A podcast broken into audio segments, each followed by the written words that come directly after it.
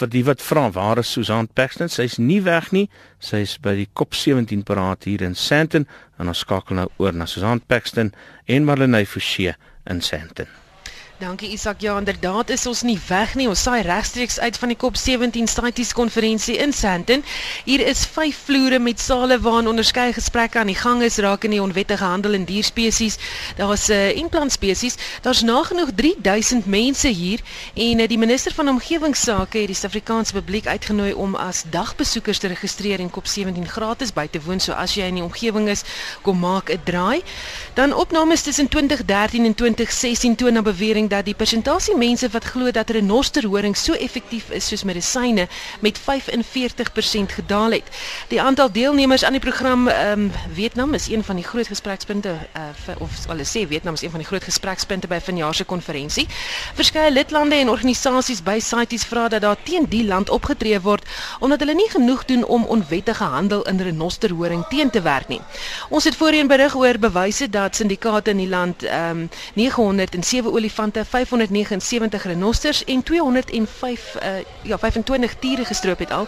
Intussen word daar pogings in die land aangewend om die vraag na renosterhoring te verminder en Marlenae het 'n bietjie gaan hoor wat sê Vietnam hieroor. Marlenae, soos ons as ons hier sit, is die land besig met 'n voorlegging oor die regering se pogings om die vraag na spesifiek renosterhoring in die land af te bring.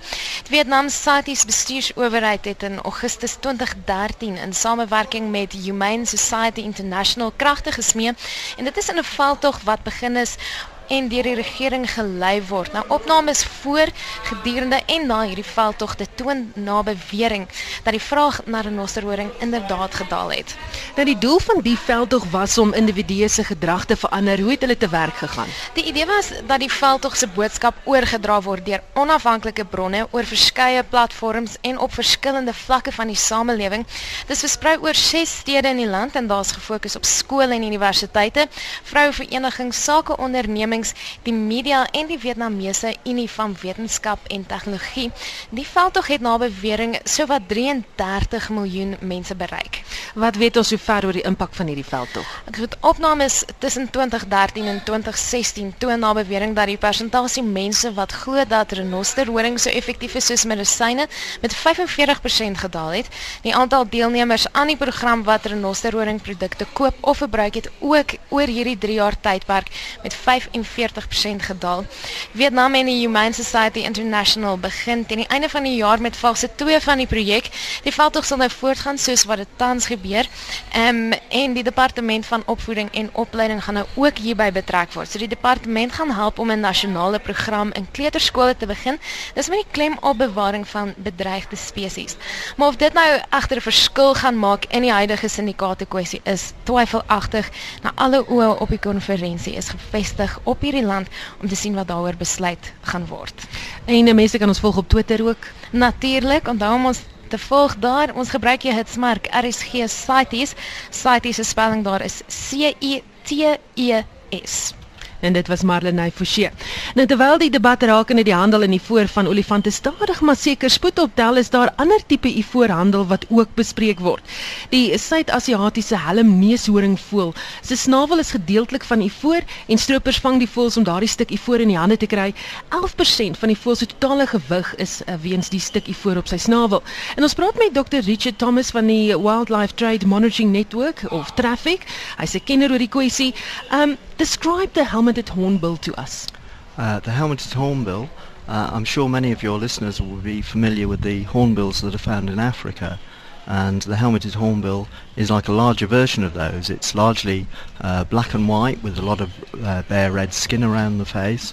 And it has a remarkable uh, casque uh, on the, which is a, an extension of the bill. And it's like a big lump on the top of its beak and the helmeted hornbill is unique amongst all the dozens of uh, hornbills that are found in Africa and Asia in that that casque is solid. Uh, in every other species it's hollow uh, and it's the solid cask that uh, poachers are after because it's used uh, as a substitute for ivory. It can be carved. Wow. Um, ek gaan nou vir Nick die klankregisseur vra om die klank van die neushoring voel te speel sodat mense nou kan hoor hoe hy klink want hy's nie hier op ons kontinent nie.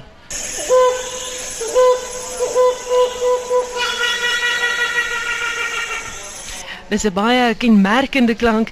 Um Dr. Thomas, where exactly do they uh, where are they situated or located?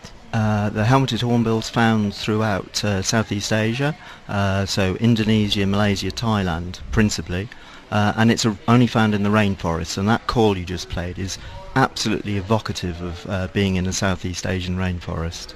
How big is the poaching problem? Uh, it's massive for helmeted hornbills. They're uh, a, a species that reproduces rather slowly, and so if you start taking birds out of the population, it has a, a big impact. But the uh, hornbill is absolutely vital to the very existence of the rainforest because the, the birds are, are fruit eaters and they feed on figs. And then after the fig has passed through the bird, uh, it, it, it, it helps uh, to disperse the seeds right around the forest. And so it's an integral part of the ecosystem. Wow, uh, do we know how many are left? Uh, we have fairly good idea of numbers. Um, what we do know is the numbers of casks that have been seized in recent years, and in just a couple of years we've seen more than 2,100 casks uh, seized in illegal trade. And that's not, not going to be the full picture, obviously, because other casks are going to be going through.